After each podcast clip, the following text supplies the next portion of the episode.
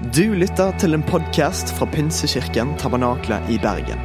Vi tror at kirken skal være en plass hvor mennesker trives gjennom alle livets faser. En kirke for hele livet. Ønsker du å bli bedre kjent med oss eller holde deg oppdatert? Besøk vår Facebook-side eller ptb.no. Her er ukens tale.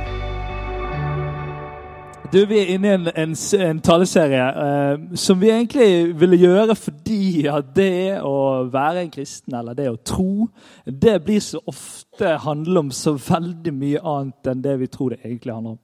Det betyr at ting som er litt på siden av det, og det kan være en del av det, blir ofte hovedgreien, og så ender man opp med noe helt annet enn det det var ment til å være. Derfor så ville vi gå inn i det som skjer når Jesus spør mennesker. Når han går fysisk rundt på jorden, så spør han mennesker om å følge han, og så vil han gjøre de til menneskefiskere. Og så ser vi den prosessen. så har vi vært og liksom prøvd å se på den litt. Vi har sett på hva det vil si når Jesus sier 'kom, følg meg'. Det betyr at det er en åpen invitasjon som ligger der på å kom, kom, kom som du er. Og eh, kvalifikasjonen din er at du fikser ikke livet sjøl. Det er utgangspunktet. Og Så kommer denne 'følg meg', som handler om at du ikke skal lenger følge deg sjøl eller følge noen andre, men du skal følge Jesus som herre i livet. Som da er en utrolig lite kul ting å si i vårt samfunn. Men så handler det om å si at jeg vil la noe annet enn noe større enn meg sjøl styre de valgene jeg tar, hvordan jeg lever. Og så har vi snakket ganske ærlig om at det ikke er det enkleste livet, men vi tror fortsatt det er det beste livet. Og så har vi kommet til den delen som heter menneskefisker eller fiske mennesker i kveld. Og jeg, jeg er litt sånn stresset på det der greiene. For jeg får sånn følelse av at vi skal fange mennesker. Skjønner du hva jeg mener? Og jeg, jeg har jo kjøpt meg båt nå. Jeg skal fortelle dere om en sånn klassisk båttur i mitt liv. Jeg, jeg, har kjøpt meg en båt, og den er, den er, er, er, er drømmebåten min. Den er like gammel som meg. Det er deilig. Og så er den bare helt nydelig. En sånn Askeladd med vindskjerm. Bare helt fantastisk flott båt. Og Den bruker jeg til å gå ut og fiske av og til så går jeg ut og fisker. Når jeg har lyst. Når det passer. Fint vær. Når jeg har lyst til å gå og fiske, så går jeg og fisker. Eh, og Når jeg går ut og fisker, så går jeg til båten min og så kjører jeg ut. Eh, og så er det sånn at eh, jeg kommer til et plass der jeg tenker her kan jeg fiske. Så da tar jeg finner fram fiskestangen. Og på fiskestangen så har jeg noe som heter en sluk. Og Den sluken den skal på en måte lure fisken til å tro at han har lyst på at han har lyst på den fisken som han egentlig ikke har lyst på, for det er bare metall. Eh, og, så, og, så, biter fisken på den, fisken, på den kroken, og da begynner jeg å sveive. Og Så drar jeg opp den fisken, eh, som motvillig blir med meg opp til båten. sant? Han bare liksom prøver seg med alle veier han kan. Men eh, jeg har jo tak i han, for han trodde jo at det var noe annet enn det var som slukte han slukken. Og så kommer han opp til overflaten, så tar jeg han opp i båten. Og når jeg kommer opp i båten, så er det sånn at min kone hun liker ikke å drepe dyr. så da er det sånn at jeg må ta og uh, knerte denne fisken. Uh, og så er det sånn at jeg åpner opp og tar ut innvollen og sløyer den. Og til slutt så drar jeg hjem og spiser den. Og det som er greien da, det er at, at denne, denne fangefisk, denne parallellen om at Jesus han snakker til fiskere Derfor sier han dere skal være menneskefiskere, tror jeg noen ganger har blitt dratt litt langt inn i en ganske feil kontekst. Eh, og da er det sånn at Denne fisketuren min eh, blir da i en overført betydning noe ganske så mye annet.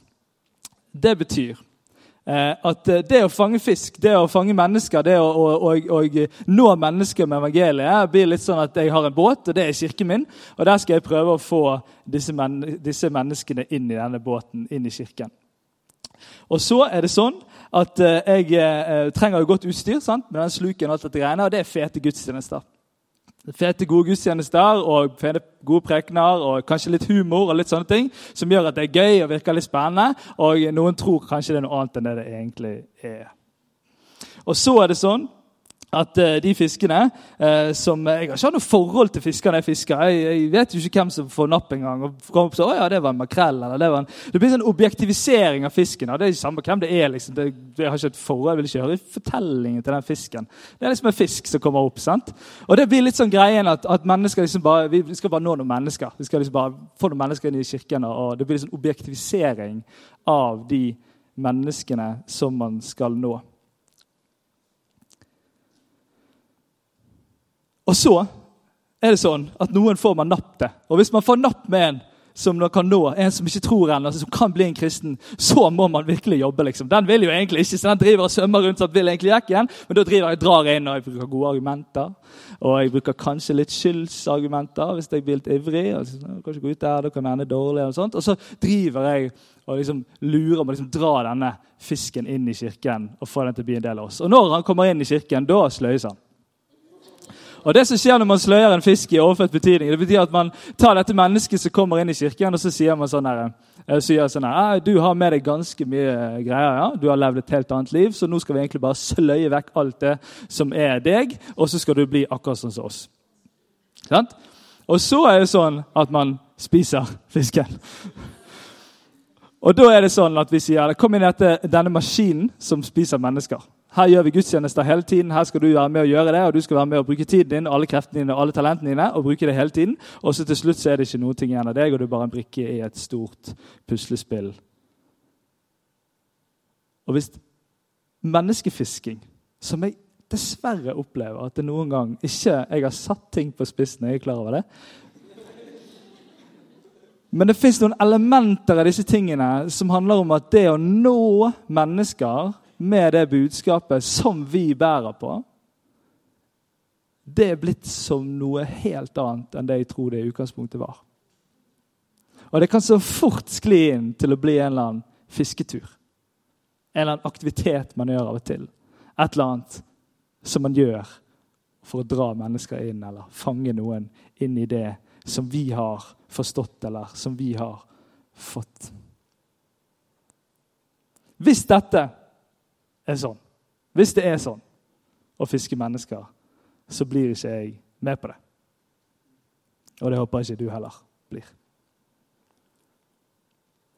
Dette bildet av å fiske mennesker, der det blir nesten som en vanlig fisketur i overført betydning, kan òg peke på et bilde av Gud. Vi har gudsbilder. Vi tenker at Gud er sånn eller sånn. Og Noen ganger så er det sånn at det sniker seg inn en tanke i oss om at Gud er egentlig sånn, selv om han ikke er sånn. Eh, og Når Jesus står eh, og liksom sier til de som har gått sammen, sier til disiplene nå har jeg gjort utrolig mye bra sammen med dere, nå er det deres tur til å gjøre det som er bra. Så Det er nesten så det kan snike seg inn en følelse av at Jesus sier nå har jeg gjort min jobb, nå er det dere som skal gjøre deres jobb.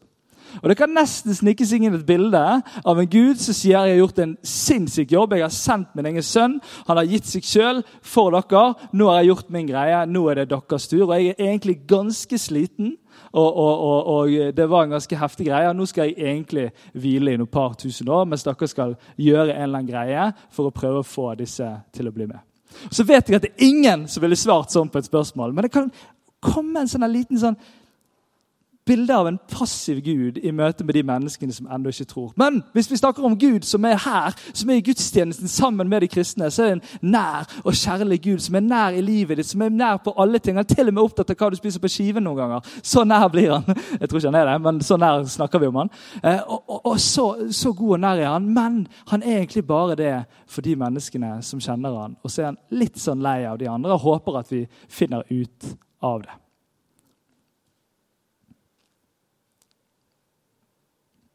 Plutselig blir gudsbildet sånn som det kan snike seg fram hvis man leser i Det gamle testamentet, der Gud velger ut ett folk og står sammen med det ene folket. Hvis man leser i Det gamle testamentet, så står han sammen med det ene folket og står og, sammen med de og imot de som er rundt, de som, som prøver å ødelegge. eller sånne ting, Så står han på lag med noen og imot noen andre. Og så må vi bare forstå at det er ikke et bilde av Gud. Det var en lang og stor og heftig plan om å redde verden gjennom dette ene folket. Og jeg har lyst til å vri på dette. Hvis ditt gudsbilde har vridd seg til å bli noe annet i forhold til de som ikke tror, de som, de som ikke er, eh, er, sier at jeg tror på Jesus, eller ennå ikke får lov til å høre hva det egentlig vil si å være en som tror på Jesus, hvordan forholder Gud seg egentlig til disse menneskene?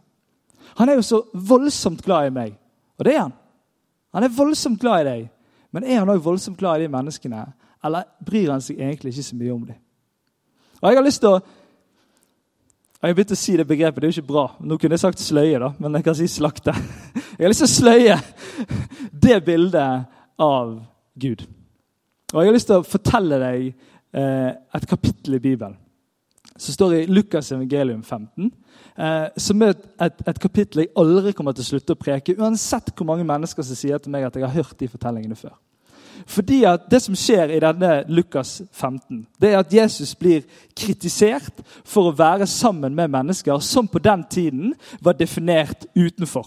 Man hadde den jødiske konteksten, jødiske eh, eh, sammenhengen der noen ble sett på som innenfor, og så var noen sett på som utenfor. Og Det Jesus gjør som en leder inn i dette, som en jøde, som en religiøs leder i dette systemet, er at han bryter helt med systemet, og så ender han opp med å bruke veldig mye tid med de som er utenfor de som er definert utenfor, de man ikke skulle være sammen med. Og Så får han spørsmålet hvorfor er det du bruker så mye tid sammen med disse menneskene. Og Så gir Jesus noe. Han er utrolig eh, kreativ, egentlig. Apropos kreativitet, så begynner han å fortelle tre fortellinger som egentlig handler om litt det samme, som jeg kunne brukt hele preken på å legge ut, men så forteller han noe tre ganger fordi det er så utrolig viktig. Og Den første fortellingen det er en hyrde, en, en, en som eier sauer. Eh, en sauebonde som har 100 sauer, og så teller han disse sauene hver eneste kveld. Og så er det sånn at Når han teller en kveld, så kommer han bare til 99 og ikke til 100. Og Da er det én sau som er vekke. Og Det som skjer i denne bonden sitt hjerte, er at han kjenner kjærligheten for denne ene som er vekke, bobler i han, og han driver og drar ut for å leite etter denne sauen. Og Hvis vi hadde hatt Jesus hadde liksom skrevet novelle, så kunne han skrevet om at, om at denne bonden går over krattet der og skraper seg litt der og svetter i pannen og er ute etter å finne denne ene som er kommet vekk. Så finner han han bærer han på skuldrene hjem igjen. Iallfall var det sånn i min barnebibel. som jeg har lest i. Eh, og Så tar han hjem igjen, og så feirer man. Fordi at den ene som var borte, er kommet tilbake igjen. Jesus identifiserer seg med sauebonden som lengter etter, eller bruker masse energi og krefter på å finne den som er kommet vekk. Og Det står til og med at han forlater de 99 for å finne den ene. Og Så fortsetter han, og så begynner han å identifisere seg med en kvinne. Og Det er radikalt i seg sjøl. Men altså det at, at, at, det er som en kvinne som, som har ti mynter, og så plutselig finner hun ikke den ene. Og så er det sånn at Hun ikke bare leter etter den ene, men hun gjør noe som man hvis man går inn i grunnteksten kan finne at det er samme begrepet som en politirassia. Altså Hun vender om hele leiligheten, hele huset, for å finne denne ene mynten. Denne ene som er kommet vekk. Og Når hun finner den mynten, så samler hun sammen hele gjengen for å feire, fordi at den er kommet tilbake igjen. Og Det som er interessant i den kulturen og konteksten vi snakker her, er at hele denne kvinnen sitt liv sto på spill med denne ene mynten, som var en av ti mynter som var en sånn savings som man hadde for å klare seg hvis det skulle skje noe med mannen sin. eller skulle skje noe, Så hadde man det for å klare seg i en periode. Så det betydde utrolig mye, og hun leter til hun finner. Og så forteller Jesus en historie til. En historie som er så vakker og treffer mennesker på den måten at når man, jeg har vært med på at man har lest den for mennesker som ikke tror, så sier de jeg tror ikke den historien står i Bibelen. Han er altfor fin til å stå i Bibelen. Da sier jeg tilbake du har ikke lest i Bibelen! Denne fortellingen handler om to sønner og en far. Og så er det sånn at Den ene sønnen han, han sier at 'jeg vil ha alt det, du, alt det, du, kan gi meg når du egentlig skal dø'. 'Jeg vil ha arven.' Og så får han den arven og gjør et opprør mot sin far med å spørre etter arven før faren egentlig var død. Drar han ut, sløser vekk alt det han har, og, og ender opp i, på det laveste, laveste punktet av det laveste. Og så er det sånn at han skjønner 'jeg har det ikke bra her'. Dette var ikke godt for meg. Jeg vet ikke hva jeg skal gjøre. Jeg kan ikke gå hjem igjen. Kan jeg vel det? Eh, min far må være helt eh, kjempesint på meg. Og, men jeg kan kanskje spørre om jeg kan jobbe på gården eller gjøre et eller annet sånt.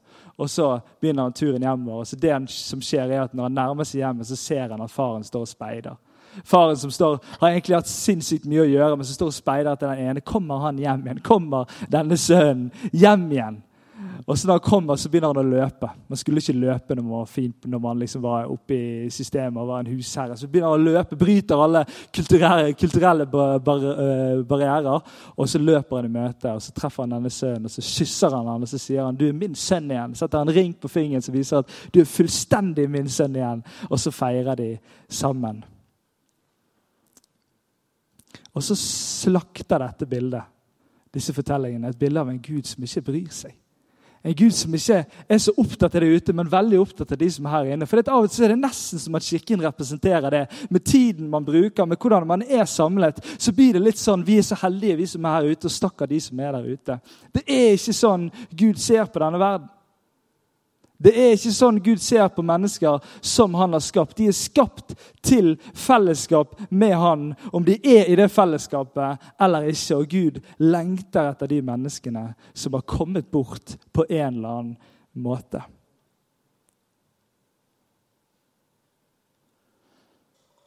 Vi har delt denne setningen opp. Kom, følg meg i én bolk, så vil jeg gjøre dere til i én bolk menneskefiskere. Men det er en helhet. Du kan egentlig ikke bare snakke om den én og én. Du må snakke om det som en helhet. Det er en setning, det er et komma, det er ikke et punktum. Det er en helhet i denne. Og Det som ender opp med at kristne velger ut en av delene. Noen blir veldig opptatt av denne 'kom, følg meg'. Den delen om at, om at jeg, jeg, jeg, får lov til å komme akkurat som jeg og så, og så, får jeg være sammen med Jesus. Og så blir det greien at jeg liksom enten bruker veldig lang tid på å finne ut av meg, hvordan jeg egentlig være sammen med Jesus, så kommer jeg aldri til det punktet der det forandrer meg. Og så er det disse menneskene som bare er opptatt av at det skal forandre meg, jeg skal føle masse, kjenne masse. Og så plukker man ut en av delene. Og så er det den delen som flest plukker ut, er den delen som egentlig er hensikten i setningen. Kom, følg meg. Så vil jeg gjøre dere til menneskefiskere. Og Så plukker man ut den delen. jeg skal snakke litt mer om dette på hvorfor vi gjør det. Man plukker ut den delen, og så konsentrerer man seg om de to første og lever i det. Og så går man glipp av noe av dybden i den hensikten. For det hensikten er for deg, er å leve sammen med Gud. Det er en hensikt i seg sjøl. Det er ikke et mål at du skal leve sammen med Gud. Så kommer hensikten, for da kan du føre andre sammen med Gud. Nei, Hensikten i seg sjøl er at du er skapt til et fellesskap med Gud. Det ble brutt opp. Det er liksom den kjappe fortellingen. Det ble brutt opp. Det var ikke sånn som det skulle være. Så fører Jesus det sammen igjen til sånn som det er ment til å være. Og Så skal man leve i fellesskap med Gud her på jorden, og så til evig tid. Og det er sånn at Hvis det gjelder for deg, sant? som er et menneske Er det noen mennesker her inne? Ja. Som er et menneske som Gud har skapt. Og Hvis det da er alle mennesker, så er det hensikten for alle mennesker. Det betyr at Hvis det har skjedd med deg, så blir hensikten i det å være sammen med Gud at flere skal få lov til å være sammen. Du blir en del av en større hensikt med livet ditt. Og hør da, eh, Hjemme hos oss sant? så har vi en, litt sånn utfordrende greie. Og det er at meg og min sønn Alfred vi liker kaviar. Fiskerogn. Det er det røde tråden i historien. Vi, vi, vi, liker kaviar, mens min kone hun, eh, hun uh, misliker veldig sterkt kaviar. Uh, og, og, det som er greien er at Jeg kan ikke bare si sånn til Marit sånn her, jo, du må like kaviar. Det er på en måte en subjektiv greie om man liker kaviar eller ikke. Jeg skal ikke gjøre en håndsopprekning, jeg er redd for å være i mindretall. Men det er ikke en subjektiv greie. Altså, altså Det er en subjektiv greie om du liker kaviar eller ikke. Men av og til er det sånn opplevelsen av at sånn er det med kristendom òg. Altså, ja, du liker det greiene der, men jeg liker ikke det. Uh, og, og, Man kan godt liksom snakke om det, og folk kan godt kjenne på det og tenke det. Men hvis man tror at det er en objektiv sannhet, altså utenom at jeg tror på det, så er det der uansett.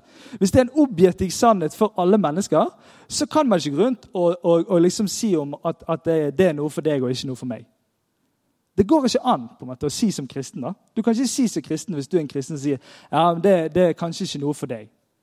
Du kan si at han personen opplever det eller kjenner på det, men det er ikke en realitet, for det er en objektiv sannhet som gjelder alle mennesker hvis man tror på det. Blir dette litt komplisert? Går det greit? Ja, det er litt sånn, det er sånn verdensbilde ute går her nå. Altså, Jeg kommer ikke dypere enn dette, så nå er vi på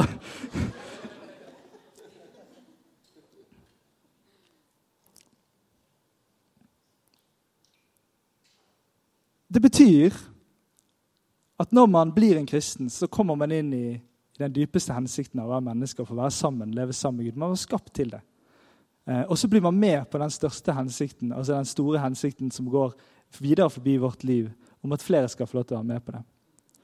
Og det blir veldig rart hvis man blir med på noe som er den største hensikten for sitt eget liv, men ikke blir med på historien videre. Jeg har full forståelse for at dette er utfordrende, jeg full, og jeg skal ta det skikkelig på alvor. Men vi må bare forstå at det der er ikke helt logisk. liksom. At det blir sånn.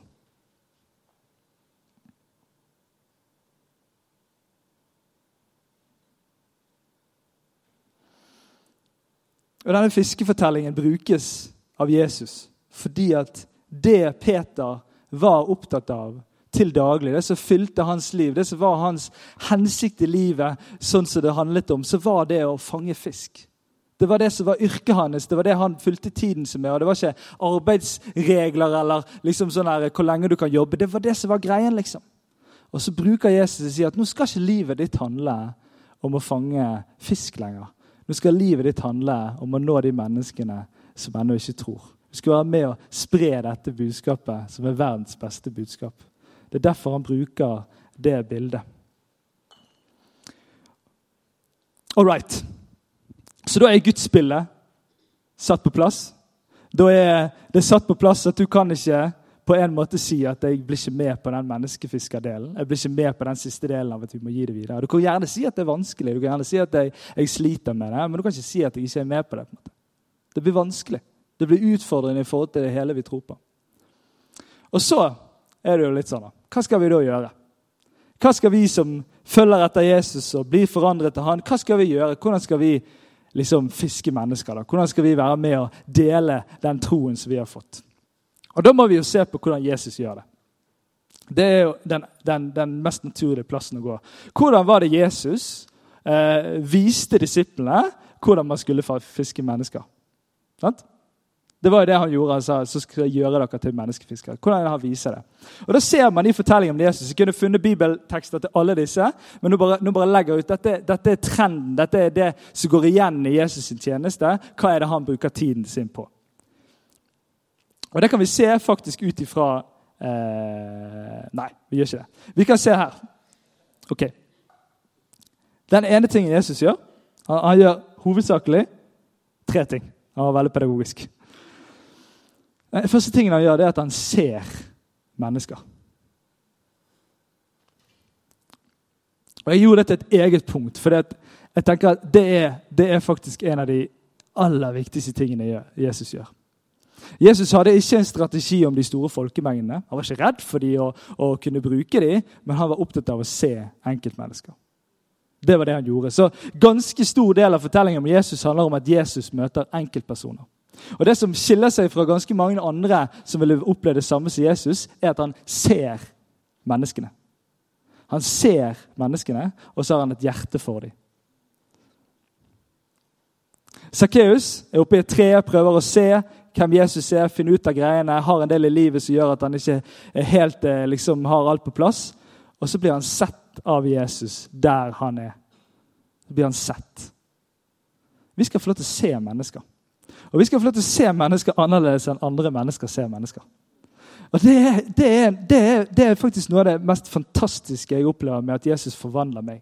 At han gjør meg til menneskefisker. At jeg merker at han endrer min måte å se på mennesker på. Han endrer min måte å se på mennesketyper på. Han endrer min måte å se på menneske- eller folkeslag på. Han endrer min måte å se på mennesker på. Og Jeg tror det starter med det. At vi begynner å se med de øynene, vi begynner å se med det hjertet som Jesus hadde. Vi begynner å se mennesker. Man ser ikke alt det de har gjort, eller alt det de kan gjøre, eller alt det de kommer til å gjøre. Man ser mennesket.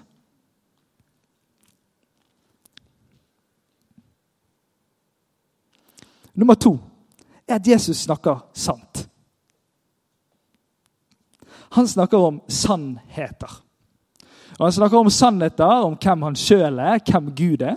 Og så snakker han sannheter om hvem de menneskene er som han møter. Og Dette taler han ut med sin, sine ord. Han snakker disse sannhetene ut inn i menneskers liv. Han bruker ord, han bruker eh, eksempler som de forstår, og så taler han sannheter om hvem mennesket er, og hvem Gud er.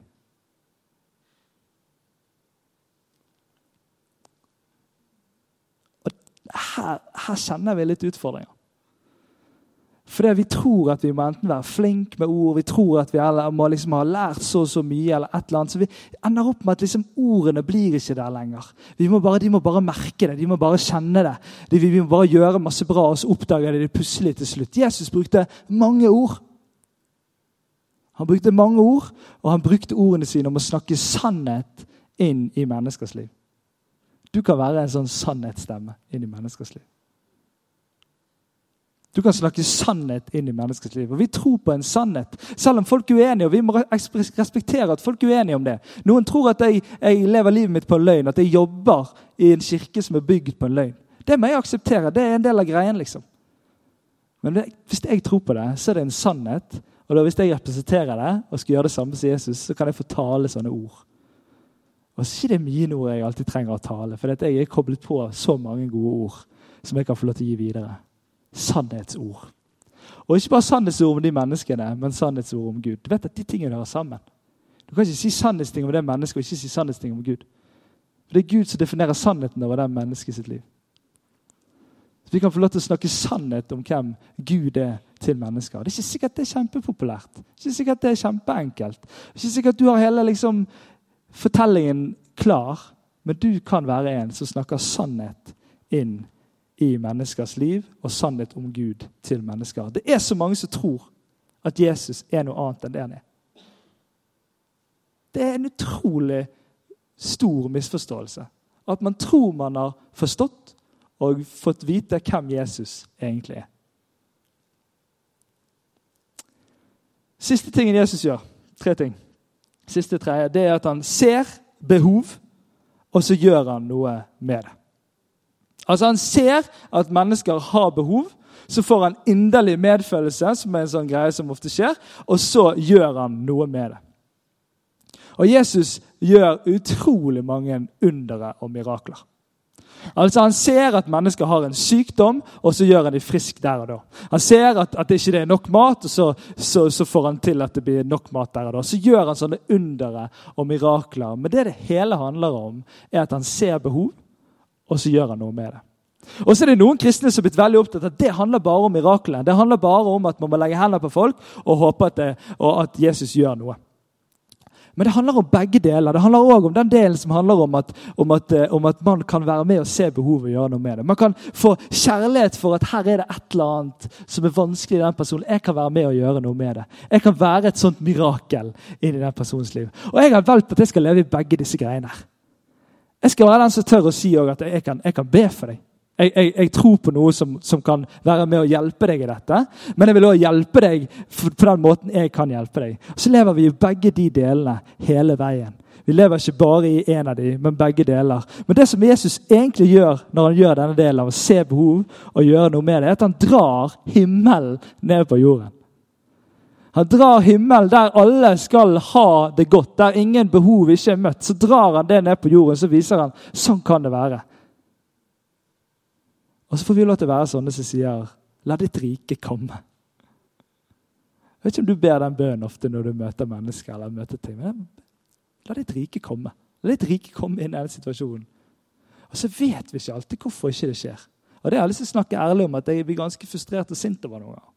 Hvorfor det ikke skjer. Men vi vil alltid vende med den veien og si 'La ditt rike komme'. Kan du gjøre noe her, Gud, som er langt forbi det jeg kan gjøre, eller noen andre kan gjøre?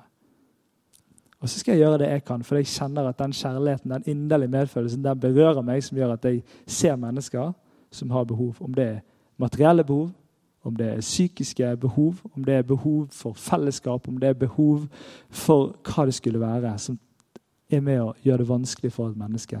Vi kan være med og se behovene og gjøre noe med det. Går det greit, eller? All right. Jeg er jo voldsomt konkret eller? Går det greit?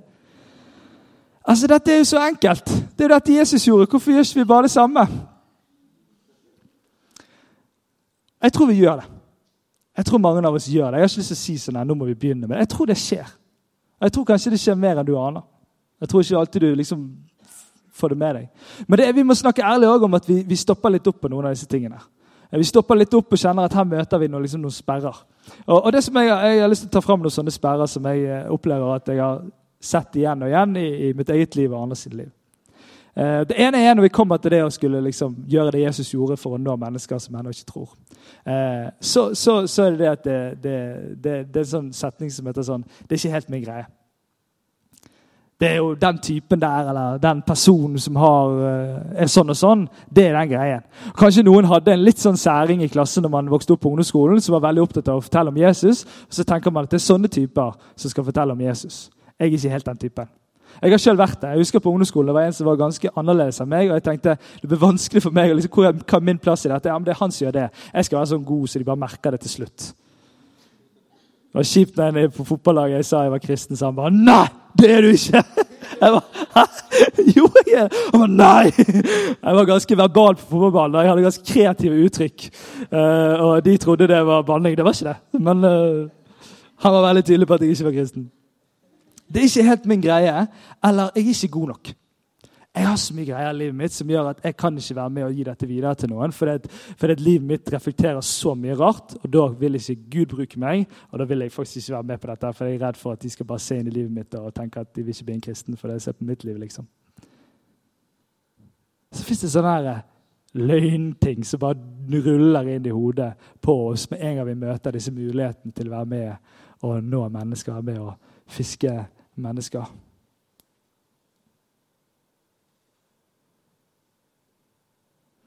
Jeg tror det har blitt utilgjengelig å dele troen sin fordi at noen tok monopol på det på en eller annen måte. Eller noen gjorde det dårlig på en eller annen måte, og så tenker vi at vi gjør det i hvert fall ikke dårlig. så da hvis vi ikke gjør noe, ting, så går det liksom bra. Men jeg tror at du må finne din vei på å dele troen. Det fins ikke en eller annen oppskrift av at man står på en boks eller en plass, eller at man sitter i en samtale. Det handler om liksom, hva, hva, hvordan kan du være med og dele troen. Hvordan kan du være med og gjøre det Jesus gjorde. Og så er det en ting jeg har lyst til å snakke litt ærlig om. da det at når det kommer til dette punktet i en samtale, for eksempel, og Jeg får jo denne samtalen ganske ofte fordi at eh, vi er veldig tidlig i en samtale. Jeg har prøvd å unngå det noen ganger, sånn at man ikke snakker tidlig om hva man jobber med. Det er veldig vanskelig, og det kommer man til veldig fort. Og Jeg vil ikke unngå det for å skjule at jeg er kristen, men noen ganger har det vært deilig å få snakke litt før den kommer liksom på bordet. For sånn er det. at det kommer, Hva jobber du med? Jo, jeg jobber som pastor i en kirke. Og da er på en måte litt samtalen satt etter det. Og da opplever jeg litt at, at det blir litt rart. For Når min kone sier hun er psykolog, så blir det sånn ah, kjempespennende, kjempe, vi spør masse videre. Mens når jeg sier det, så blir det litt rart.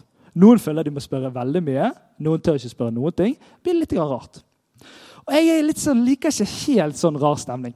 Jeg er ganske god, glad i det og god i det hvis jeg har kontroll, men i den settingen der er jeg ikke så glad i det. Jeg synes Det er utrolig slitsomt at det blir rar stemning. Jeg er glad i god stemning. på en måte. Og der har jeg liksom tenkt litt sånn på sånn der, ok, ja, men Jeg må bare slutte å tenke på liksom at, uh, hva andre tenker, og at det blir sånn og liksom sånn. Og sånn. Uh, og så har jeg hatt en strategi om at liksom, men jeg kanskje jeg kan bli så god en gang at ikke det blir rar stemning. Uh, jeg tror vi må bare erkjenne at det er rar stemning. Jeg satt hjemme hos en, en, en kompis på middag. Så sa han sånn her Jeg har bare funnet roen med at folk syns det er helt loco at jeg tror på Gud. Så tenkte jeg sånn Å, det var voldsomt. Men det er et eller annet fint med det. Selvfølgelig er det rart for folk i dag at noen tror på Gud. Det er ikke det vanlige. Det er ikke noe folk har en egen kjennskap til. Det er annerledes i vårt samfunn i dag å tro på Gud. Og det betyr at Når den samtalen og de tingene kommer inn i samtalerommet eller inn i fellesskapet, så blir det litt rart. Og så må kanskje jeg bare tåle at det blir litt rart. Det betyr ikke at jeg ikke kan bygge et bra forhold til min nabo, men det betyr at jeg må tåle bare å være litt forberedt. Men det blir kanskje litt rart. Og så tror jeg at det går an å gjøre det på verre måter, sånn at det blir enda mer rart. Og så tror jeg det går gjøre det på litt mindre, bedre måter, sånn at det blir litt mindre rart. Men det handler litt om deg. Det handler litt om, om, om, hvordan du oppfører deg i det. Det handler litt om at du kanskje har tenkt deg litt om på forhånd. Hva skjer hvis jeg møter dette spørsmålet? Eller sånne ting. Og så tror jeg det blir litt rar stemning, for, for noen av oss så skjer det litt sjeldent. Og så plutselig spurte noen hvorfor er du en kristen. Så, meg, liksom. Og så begynner du på en eller annen story fra Afrika om et eller annet. Og så går det dårlig, liksom. Jeg skal komme tilbake til den delen. Ok. Eh, siste tingen som jeg tror er en sånn sperre, det er at vi sier ja, men jeg gjør så mye eh, i kirken. Jeg har så mange gode og viktige oppgaver at det der må noen andre ta seg av fordi at jeg er her og gjør mye bra. Eh, og, og det tror jeg at du er. Eh, men jeg tror ikke at det er en sånn at noen skal bare være i kirken og gjøre noe bra der, og så skal noen andre ta seg av det. Jeg tror at de som er i kirken og gjør veldig mye bra, må faktisk vise at det er et helt liv. av å følge hele hensikten og hele greiene. Derfor har jeg blitt veldig opptatt av mitt eget liv, selv om jeg jobber med dette, og må bruke litt mer enn gjennomsnittet tid med kristne. Jeg har ikke en vanlig jobb der jeg kan møte ikke-kristne vanlig uh, ukentlig. Da må jeg prioritere i mitt liv å bygge relasjoner med naboer, bygge relasjoner med kompiser jeg har vokst opp med, for å ha det i livet mitt, og for å være med og gjøre det som jeg har så tro på at mennesker skal få lov til å komme til tro. Å bygge en misjonalkirke er ja, det er kjempebra. Det gjør jo at mange kommer til tro. Men hvis ikke menneskene i den kirken er med å gjøre det, og hvis ikke de som er ledere eller de som står fremst, er med å gjøre det, så blir det en veldig rar greie. Som ender opp med at ingen gjør det vi egentlig skal gjøre, og gi det videre. All right.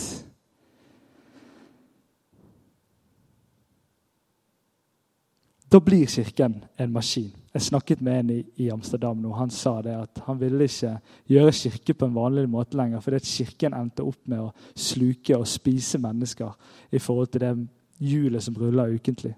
Og da har jeg lyst til å si til deg at, at, at, Selv om vi løfter fram søndag som en kirkedag og et fellesskapsdag som er viktig, så er det din ukedager som er viktig for den kirken.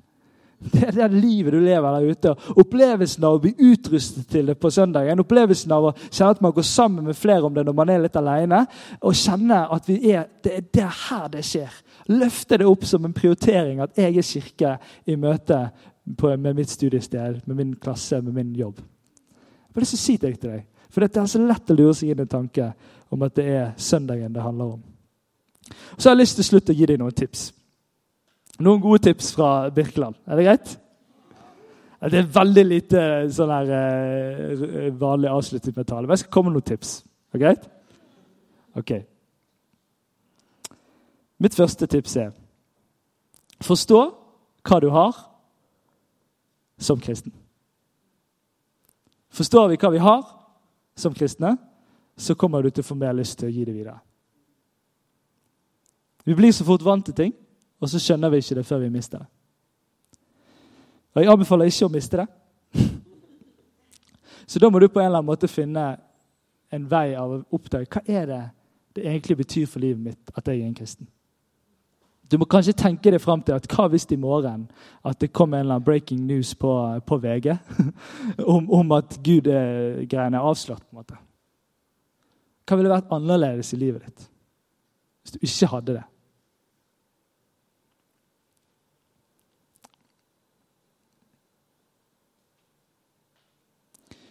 Andre tipset er vær der det skjer.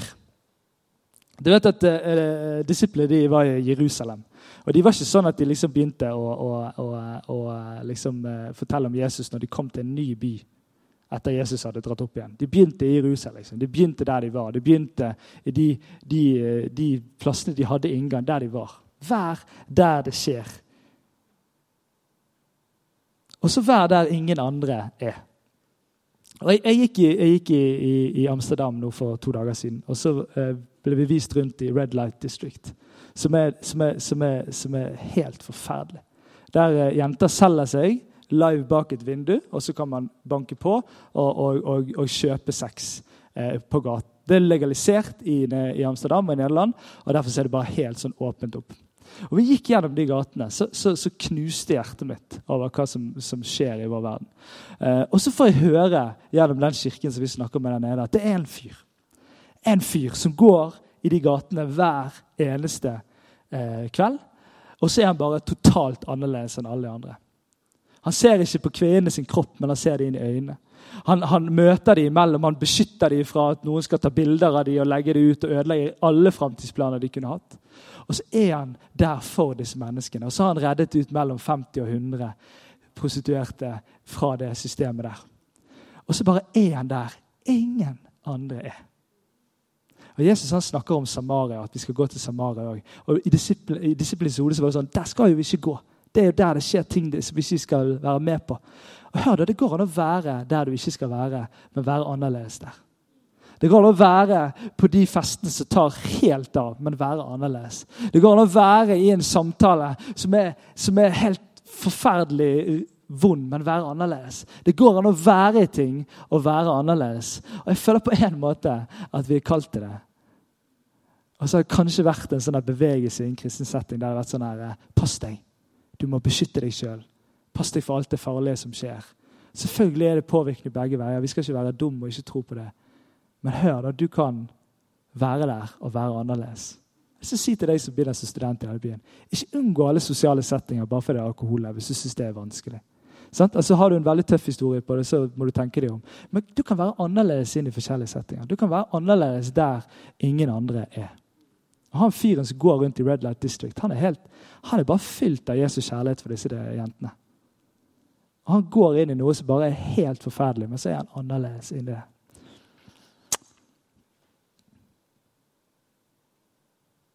Og la deg lede. Hvis det er sånn at Gud er på aktiv leting og er i bevegelse, så kan du òg koble deg på den bevegelsen Gud er i. Når jeg skriver taler, så opplever jeg meg ofte ledet. Og Da er det sånn at jeg går en tur eller jeg sitter med Mac-en, og så opplever jeg at det faller en tanke litt lenger ned enn de andre tankene. Og så skjønner jeg og har begynt å lære meg at her er det noe Gud vil si. Og Jeg snakker litt ærlig om dette, for for meg opplever jeg virkelig å bli ledet når jeg forbereder forkynnelse. Og Da skjer det sånn at det kommer en tanke litt lenger nede, og så skjønner jeg her er det noe. Her skal jeg bruke dette. her er Det noe. Det kan være et eksempel, det kan være en sannhet, det kan være et eller annet. Og så, og så, og så går jeg på det. Jeg har lyst til å utfordre deg til å, å være litt var for det. Tenk hvis det detter en sånn tanke litt lenger ned. Plutselig tenkte du, du har ikke, Det er en stund siden du har tenkt på den personen. Plutselig tenker du på han, og så tenker du på et eller annet i tillegg. Og så kan du sende en melding og så snakke rett inn i livet til den personen.